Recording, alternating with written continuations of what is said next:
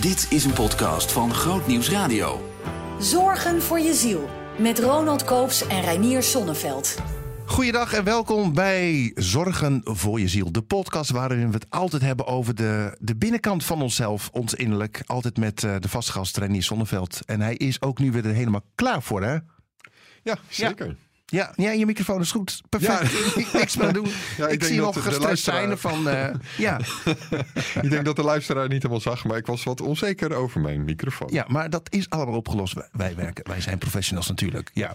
Goed, hey, genoeg klets. We hebben het over uh, empathie. Daar gaan we keihard uh, aan werken. Gaan we keihard werken. Empathie. Het komt een beetje soft over, maar de, waarom dit onderwerp empathie? Nou ja, inderdaad. Het, het, komt een beetje soft over. En dat heeft er denk ik mee te maken dat veel als er woorden, als, veel wat we associëren met empathisch, vriendelijkheid, compassie, is in wezen conflictvermijding. Dus dat is een vorm van het maar even niet al te spannend maken, oh, oh, een beetje buigen en, en, en, en, en nou ja, de, de, de macht uh, of de mensen die aan de leiding zijn in een bepaalde situatie het maar naar de zin maken. Beetje humble, beetje nederig. Ja, laat maar gaan. ja. Precies, la, laat maar gaan. Uh, dus niet de, de conflicten of de spannende dingen aangaan. Dus, en die Nee, dat is een soort. En dat is voor een deel begrijpelijk. Hè? Je hoeft niet altijd uh, voortdurend nee. activist te zijn, zou ik nee. maar zeggen. Die, of de mannelijke leider uithangen. Ja, daarom. Dus dat is ook verschrikkelijk natuurlijk. Empathisch, doe, weer, doe wat ik zeg. Ja. ja. maar ik denk dat mensen aanvoelen dat, dat begrip als empathie, vriendelijkheid en compassie ook op die conflictvermijdende nou ja, niet authentieke manier kunnen worden gebruikt. En dat het daardoor een beetje verdacht is. En nou ja, dat, dus dat is er nou, denk ik wat er te soft aan kan klinken. En, en waarom ik het er wel graag over wil hebben is... Nou, je zou kunnen zeggen dat altijd als het goed gaat tussen mensen, dan is er iets als empathie en vriendelijkheid en compassie aan de hand. En altijd als het niet zo best gaat uh, tussen mensen, is er daar een gebrek aan. Dus het heeft alles van een soort sleutel uh, tot, nou ja, als je, als je de wereld en relaties een beetje leuker wil maken, dan. dan is empathie wel handig, zeg maar. ja, is empathie wel handig. Ja. Dus er is maar is het ook een beetje onterecht dat het toch een beetje een soort vrouwelijk onderwerp, dat het daaraan wordt gekoppeld? Dat het, ja, dat lijkt me onterecht. Ja, ja want, leg uit. Nou ja, uh, ja ik, ik weet niet precies wat de reden is waarom, waarom die koppeling wordt gemaakt. Het, ja, ja, ik, ik, weet dat, ik weet dat eigenlijk oprecht niet waarom die koppeling wordt gemaakt. Maar het is in ieder geval niet terecht, dat weet je wel. Het is, het is niet terecht. Nou ja, empathie is net zo goed voor mannen weggelegd als voor vrouwen, zou ik kunnen nou ja, zeggen. Dat, dat, lijkt me evident. Dus het, het ja, nee, ik, ik, zou daar even over moeten nadenken. Wat nou precies de reden is waarom het een soort van hyper. Uh, waarom, het, waarom we die associatie met vrouwelijkheid leggen. Het zou kunnen dat dat er een soort biologische link ligt met het, het, zorgen, voor, met het zorgen voor kinderen. Zeg maar. ja, ja, ja. En, dat daardoor uh, vrouwen in een vroeger stadium daar, um, daar een, een, nou ja, wat natuurlijker, uh, ja, wat natuurlijker neiging toe hebben. Ja. Wat niet betekent dat als ze dat minder hebben, dat, dat, dat ze minder vrouwelijk zijn. Of dat nee, nee, nee, als ze empathisch zijn, dat ze vrouwelijk zijn of iets dergelijks. Maar dat zou me niet verbazen. Dat, dat... Nou, weet je wat we afspreken? In een volgende podcast kom je gewoon met een totaal wetenschappelijk antwoord. ja, ik merk dat ik even zit te zoeken. Dat geeft niet. Dat is ook zorg voor je ziel. Het, hoeft niet, het, mag, het mag zoekend zijn. hey, maar um, kun je wel kun je soms ook misschien dan, dat is de andere kant, kun je ook te empathisch zijn. Want dat is dan misschien wel een soort van negatief. Ja, nee, ja, zeker. Dus alles heeft een te. En ik denk dat het essentieel is, zelfs bij dit onderwerp, om dat aan te wijzen. Dus er is in afval, nou ja, om het zo maar te zeggen, je hart heeft maar een bepaalde grootte. Uh, en en er zijn kosten aan empathie. Het kost, het kost je iets. Het, het, kost, het, het, is niet dat, je, dat er eindeloos veel mensen in je hart passen. Dat wordt wel eens beweerd, zeg maar. Van ja, er, kan nog, nog weer iemand bij, nog weer iemand bij. Nee, dat is niet zo. Op, het moment, op een gegeven moment is je hart vol. En op het moment dat er dan iemand bij gaat, dan gaat er ook weer iemand uit.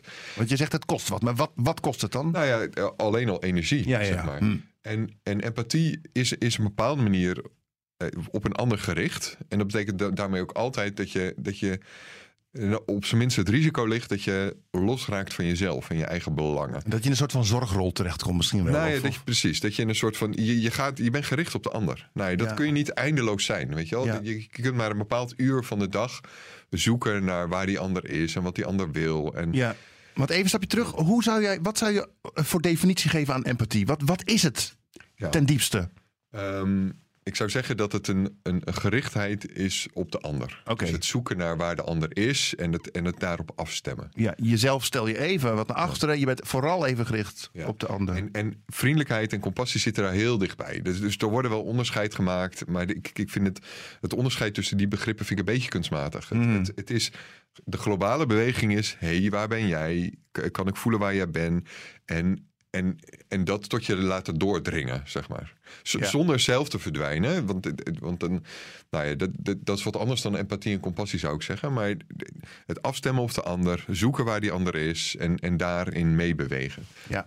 Maar ik ben nog wel een beetje benieuwd naar die. Jij zegt het, het kost je wat. Op een gegeven moment zit je hart een beetje vol. De een in de ander uit. Maar het is toch ook nog niet zo dat je op een gegeven moment eh, onaardig tegen iemand doet. Te zeggen: Ja, nee, ik ben zo empathisch geweest vandaag. en de maat is nu vol. Nee, ik ben niet geïnteresseerd hoe het met jou Nou gaat. ja, eh, waarom niet? Zou ik zeggen. Oké, ga op je tour. Nee, gezellig. Nee, ja, dat is niet gezellig, maar... eh, eh, ja, Dat- het hoeft ook niet altijd gezellig. gaat- nou, exact. Het hoeft niet altijd gezellig. Nee. En, en ik, ik zou zeggen dat dat soms gewoon nodig is. Dus je moet grenzen stellen, zeg Ja, maar. ja, ja, ja, Dus er is zoiets... Ja, er zijn grenzen. Ja. Eh, en, en je hebt maar een bepaalde energie. En anders, er gaat ergens betaald worden. Ja. En al is het niet een partner, of zijn het je kinderen, of je andere vrienden die gaan betalen, dan, dan ben het jij zelf Ja. die gaat betalen. Ik moet een beetje denken aan eh, dat, ehm, dat heb je natuurlijk ook ongetwijfeld meegekregen, dat mensen heel graag dan Oekraïnse vluchtelingen in huis Nou ja. willen nemen. En dat wat vind ik echt bewonderingswaardig, weet je wel. Ehm, maar dat dan ook de keerzijde kwam van dat is één of twee weken leuk, maar dan. Dan, eh, hoe gaat het dan op de lange termijn? En dat heeft niks met eh, je goede bedoelingen te maken, maar wel inderdaad met het. Ja, je moet voor anderen zorgen, maar ook voor jezelf, weet je wel. Nou ja, exact. En die, die is in die zin heel symbolisch, omdat je dan letterlijk een plek maakt in je huis. Waarbij je op een gegeven moment merkt van ja, dit neemt te veel ruimte in in mijn leven. Nou, zo is het ook met een hart. Een hart heeft gewoon een aantal ruimtes, zal ik maar zeggen. En, eh, en, en dat is vaak verbonden gewoon aan de tijd op de dag. Dus de, de ruimtes in je hart, het gaat gewoon over een aantal uur dat je op een ander gericht kan zijn. En op een gegeven moment is dat, is dat soort van vol. En dan komt er een soort. ehm, nou, je, je- je innerlijk gaat dan terugbewegen, gaat terugduwen. En, en, en roepen van, hé, hey, maar, maar, maar ik dan? ik ben er ook nog. Ik ja. ben er ook nog. En die, die hardheid die je dan kunt merken. Dus je zei er net van ja, maar kun je dan niet zeggen van hé, hey, eh, nu is het even genoeg met mijn vriendelijkheid geweest. Dat is een bepaald soort hardheid als het ware. Hè? Ja. En nou ja, daaraan kun je op zijn minst merken dat, ehm, nou ja, dat je wellicht kunt groeien in empathie, maar ook dat er blijkbaar iets nodig is. Er valt dan blijkbaar iets te verdedigen. Dus op het moment dat we een hardheid in onszelf merken, een vermoeidheid, een soort van Geïrriteerdheid misschien wel, Exact. ergens. dat is een signaal dat er blijkbaar iets beschermd moet worden. Dus dat kun je ook, weet je wel, dat, dat moet, moet je niet van jezelf eh, afkeuren, maar dat is er en dat is een signaal. Dus dan is er, dan is eigenlijk de vraag aan jezelf, op het moment dat je iets hards in jezelf merkt en, en een vermoeidheid van, hé, hey, wat, wat heb ik nu te beschermen? Wat heb ik nu veilig te stellen? Wat, wat is nu kwetsbaar? In mij, in mijn leven. Wat, nu, wat, wat, wat wordt te weinig gehoord in mijn leven? Dat soort vragen kun je terugstellen. En kan je daar een voorbeeld van geven? Wat, wat zou er te weinig gehoord kunnen worden als je eigenlijk dus te veel hebt gegeven? Misschien wel wekenlang. Nou ja, eh, het kan heel simpel zijn. Ehm, eh, ja, je- gewoon jezelf, om, Ja. het, om het heel simpel Gewoon te even zeggen. rust. Even niet te hoeven praten, geven, zorgen. Ja, ja, Maar Exact. ja, ja, ja. Ehm, wat er, het kan over heel veel dingen gaan. Maar bijvoorbeeld, het, het, gaat vaak over balansen, over evenwichten. Dus op het moment dat je heel erg eh, gericht bent op een ander, dan op een gegeven moment gaat, ga jij zelf roepen. Eh, op het moment dat je heel erg gericht bent op orde, dan gaat op een gegeven moment de creativiteit nodig zijn. Op het moment dat je heel erg gericht bent ehm, op creativiteit, dan gaat op een gegeven moment de orde roepen, zeg maar.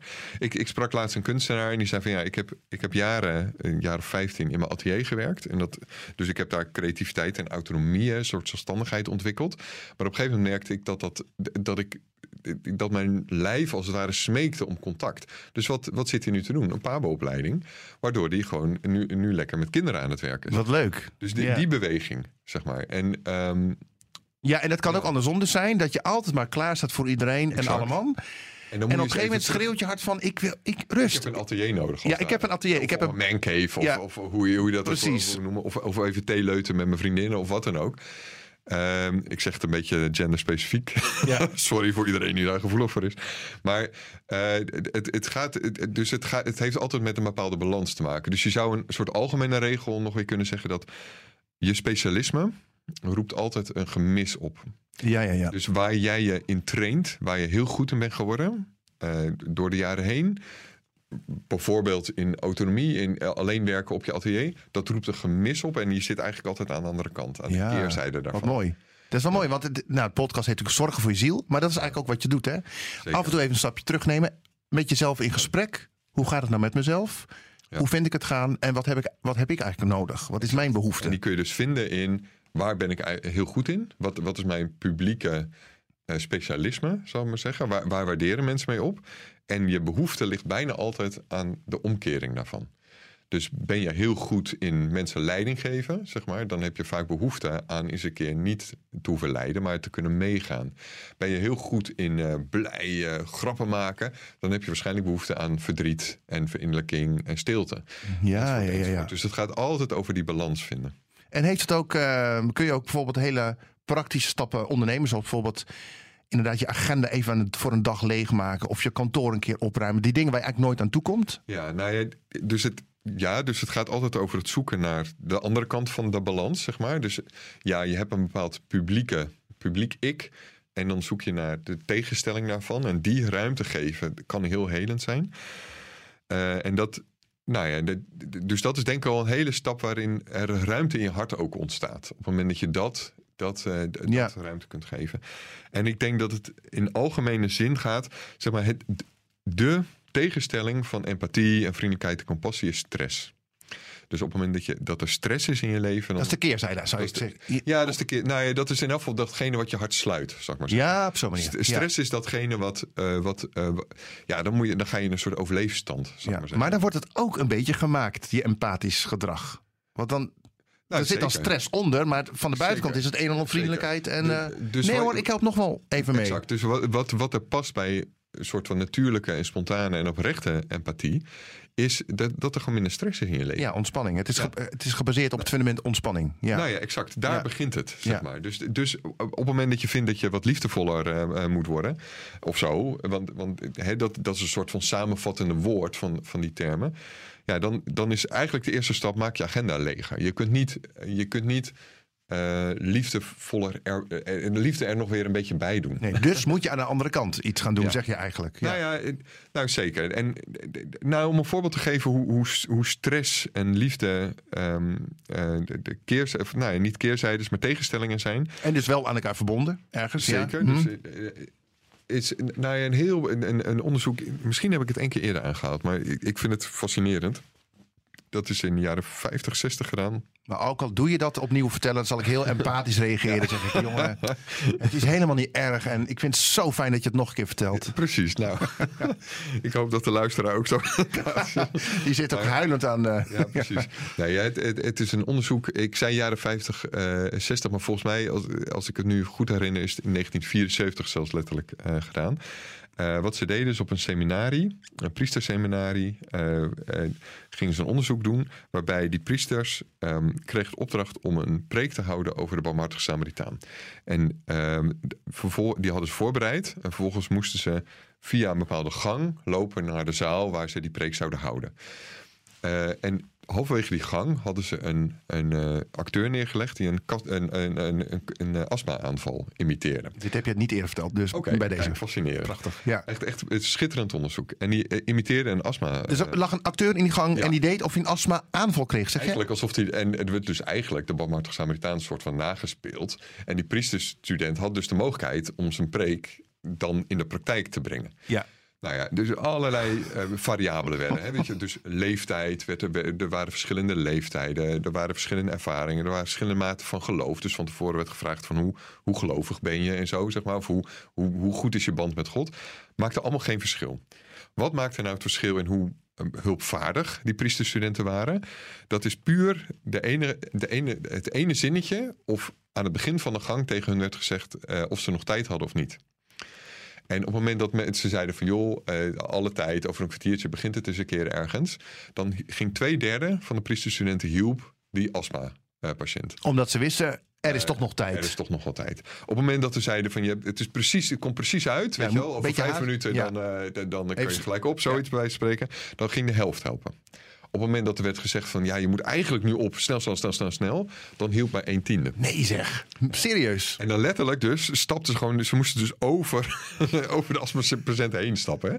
Dus ze hadden net eh 1, 2 uur, want het was, het was een behoorlijk krappe voorbereiding. Hadden ze 1, 2 uur gemediteerd over de barmhartige Samaritaan. En, en gewoon vergeten, bam. En eigenlijk exact zoals in de gelijkenis, dat zijn ook religieuze leiders, hè? Ja. een priester en een leviet, die gewoon de, de, de zieke eh, negeren en min of meer over de benen van diegene heen stappen. Nou, daar zie je dat de samenhang, weet je, het, het helpt niet eens zoveel hoeveel, hoeveel preken je hoort. Het helpt niet, het- het- het- al die dingen maken niet uit. Het helpt niet hoe, hoe goed je band met God is, blijkt dan uit zo'n onderzoek. Het helpt niet. Ontluisterend gewoon. ergens. de Ja. factor is hoeveel stress heb je in je donder, zeg maar. Ja. En hoe leeg je je agenda. Dus wil je mensen helpen, zorg dat je agenda leeg is. En, en, dat, en, en dat is voor een deel dus ook fysiek. Hè. Zorg dat je kamer leeg is. Zorg, Ja, dat, zorg dat, dat je financiën een beetje op orde zijn. Weet je wel? Dat je geen stress over die dingen hebt. En dan opent je hart zich. En een lege agenda is een open hart, zal ik maar zeggen. Wauw, mooi. Maar het blijkt dus ook dat wij dus kennelijk allemaal best heel gevoelig zijn voor wat andere mensen zouden Mhm. kunnen denken. Want dat, dat, dat zat erachter. Zeker met dat haast of niet. Ja, ik kan Ja, niet te laat zeker. komen. Ja, er zit daar een zaal mensen op mij te Zeker. wachten. En, eh, Zeker. De Ja. stress heeft enorm samen, het hangt enorm samen met verwachtingen van anderen. terwijl als je even langer had nagedacht misschien, maar nu vul ik het zelf in hoor. eh, dan had iedereen natuurlijk het helemaal begrepen. Als iemand tien minuten later was even, joh, er was een noodgeval onderweg en ik moest even helpen. Nou ja, en daar gebeurt dus iets anders. Dus wat, wat de andere grote stap is, ik, ik, ik, ik zou zeggen dat er drie kerndingen zijn. Dus het eerste is bij jezelf eh, ontdekken waardoor je hart zich sluit.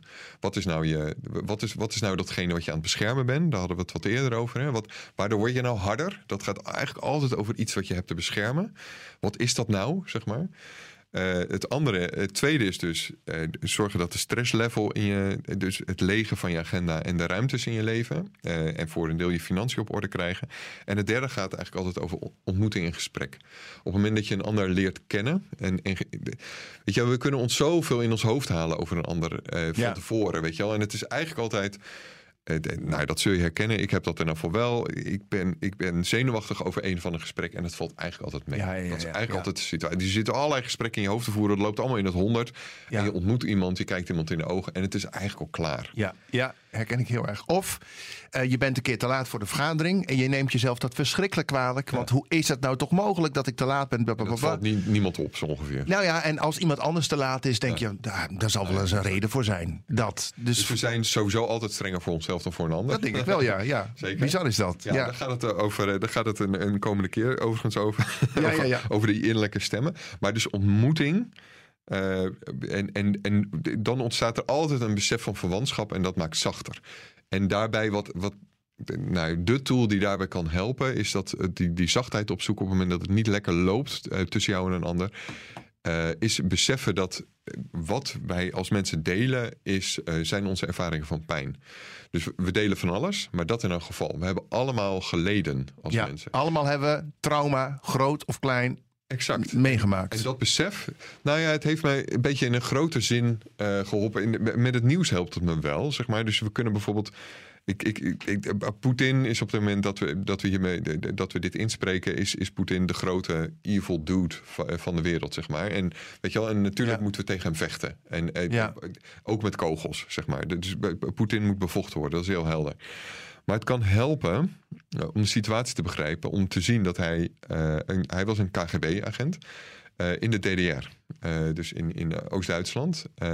En toen een muur viel, dat is eigenlijk zijn grote trauma. Toen is hij een paar maanden dakloos geweest. Is dat zo? Dus toen- Maar dat wist ja, niet. zeker. Dus hij, hij had gewoon geen orde meer in zijn leven, zeg maar. En hij wist niet, hij wist niet ja, er er was geen duidelijke opdracht meer. Hij had geen baan meer de facto. En hij is toen taxichauffeur geweest. Ehm, eh, eh, een rotklusje doen, eh, geen huis meer, geen baan meer. En- Alles opnieuw opbouwen. alles opnieuw opbouwen. En, en wat heeft hij toen als het ware tegen zichzelf beloofd? Dus dat zeggen de mensen die, die hem in, uit die periode nog kennen. Hij heeft aan zichzelf beloofd: dit nooit weer. Ik, ik ga zorgen dat, dat ik vanaf nu de, de, de sterkste man van de wereld word. Nou ja, dat is zijn verhaal. En bij, bij Dus zijn, zijn succes, tussen haakjes, ja, is zijn trauma. is gebaseerd op trauma. Dat ja, is is, wel- is gebaseerd op pijn. En, wat hij, en dan geeft het door. Hè? Dus dat is de, de ongezonde manier hoe hij ermee om is gegaan. Dus hij, hij is het aan het vermenigvuldigen, die pijn. Dus hij zit nu allemaal mensen letterlijk een, nog een keer dakloos te maken. Hè? Vanuit, zijn eigen, vanuit zijn eigen behoefte om maar nooit meer, weet je wel, dat Ja, ja, ja. nooit meer iets aangedaan wordt. En datzelfde speelt bijvoorbeeld bij Trump. Eh, dus het zijn een beetje grote voorbeelden, maar je- we hebben allemaal kleine Poetinnetjes en kleine Trumpjes in onze omgeving. En we zijn zelf een beetje Ja. een Poetinnetje en een Trumpje natuurlijk. ja, ja, ja, ja, ja. Ehm, maar het- het- het Trump, eh, als, je, als je zijn biografie leest, zijn vader sloeg hem flink en vernederde hem flink. Serieus waar. En, en eh, weet je, het was het enige wat, wat Trump kon doen is, is enorm eh, bluffen. En, en de enige manier waarop hij enigszins er nog respect kreeg van zijn vader was als het over geld ging. Een soort copingstijl ook wel. Hè? Het is een copingstijl. Dus, hij, dus het is een. Wat je ziet, eh, of wat je, en wat je zag op het podium, als je Trump zag, is gewoon een mishandeld kind. Die, die nooit heeft geleerd daar op een gezonde manier mee om te gaan. En alleen maar, als het ware, de hele tijd het respect van zijn, van zijn vader aan het verdienen is nog steeds. Wat hem nooit zal lukken. Ehm, maar nou ja, dat. Dat besef, dus zien van oké, ik zie hier, ik, ik vind iemand heel ingewikkeld, maar dat is een gekwetst mens Ja. dat maakt altijd zachter. En dat betekent niet dat je, dat je daar maar dan een soort dociel, onderdanig eh, met zo iemand Nee, moet nee, nee. Maar dat kan je wel helpen om dus op een goede manier empathisch met iemand om te gaan. Ja, zeker. Dus eh, de empathie kan daarin stevig zijn. Hè? Ja. Dus empathisch kan ook zijn en tot hier en niet verder. Ja, maar nu, nu, nu even dit, hè? want ik vind het echt Mhm. heel erg interessant. Maar we zijn natuurlijk niet allemaal coach of therapeut of wat dan ook. Maar hoe, hoe kan je nou in gesprek met iemand. ehm, het, ik vind het ook wel een heel precair onderwerp. Je gaat niet aan iemand vragen: hey Jan, wat is jouw trauma eigenlijk? maar, nee, maar ik bedoel, Ja, eh, nee. maar en Dus- tegelijkertijd ja. is het goed. Want ik bedoel. Ook onder christenen, met alle respect. Maar de gesprekken kunnen soms wat oppervlakkig zijn. Waar Ja. werk jij, waar werk jij en wat doe jij en zo. Kinderen, leuk, haha. Maar hoe komen we dan op dat diepere nou ja, zielsniveau van gesprek met elkaar? Nee, een, een vraag die je en jezelf kunt stellen en een ander eh, kunt stellen, gaat, eh, is in de sfeer van wat, wat wil jij hier beschermen? Wat, eh, wa- wa- wa- wat vind jij belangrijk hier? En, en, en hoe komt dat? Weet je wel? Wat, of wat heb jij hierin meegemaakt? Wat, wa- waarom jij dit belangrijk vindt? En dat kun je natuurlijk een beetje op een agressieve manier doen of op een therapeutische manier, maar dat kan ook op een heel natuurlijke manier eh, gebeuren. Van wat, nou ja, wat heb jij hier, wat, wat, wat stel jij nu veilig, zeg maar? Wat, wat bescherm jij op dit moment? En die vraag aan jezelf, van wat, wat heb ik veilig te stellen en aan een ander, kan, kan het gesprek wat zachter maken. En, en, dus je kunt hem op allerlei manieren stellen. Hè? Dus je gaat inderdaad niet vragen wat is jouw trauma. Nee, maar even, even voordat ik het snap. Dus stel dat we met Trump in gesprek zouden gaan. Maar kan niet, maar Nou, in het, ja, het meest zeker. gunstige geval zou je Ja. kunnen zeggen aan Trump: wat wil je meest veilig? En dan zou hij, als hij eerlijk was, zeggen: van nou, eigenlijk ben ik als kind. eh, Nee, dat zou Trump dus niet zeggen. nee, dat maar stel. Nee, maar dan zou je op zijn minst op een aantal waarden komen, zeg maar. Ja, ja, ja. Of nou ja, wat, wat heb je hierin meegemaakt? Wat, wat, wat doet jou pijn in deze eh, kwestie? Zeg maar, dat, dat soort vragen. Dus de vragen die, waarin je zoekt naar, naar waar iemand zelf zit, wat, waar iemands persoonlijke ervaring hierin is. En voor een deel kan dat niet. Hè? Dus in een, in een wat zakelijke vergadering is dat lastig. Hoewel er meer kan, vaak meer kan dan je denkt. Dus je kunt wel, vaak wel degelijk vragen van, nou, wat, nou ja, wat heb je hierin meegemaakt? Waar Ja. is jouw pijn? En anders wel één op één in een lunchwandeling natuurlijk. Hè? Ja. En soms is het al genoeg om het exact, dus één op één in een lunch kan het al- heel, nog veel vaker.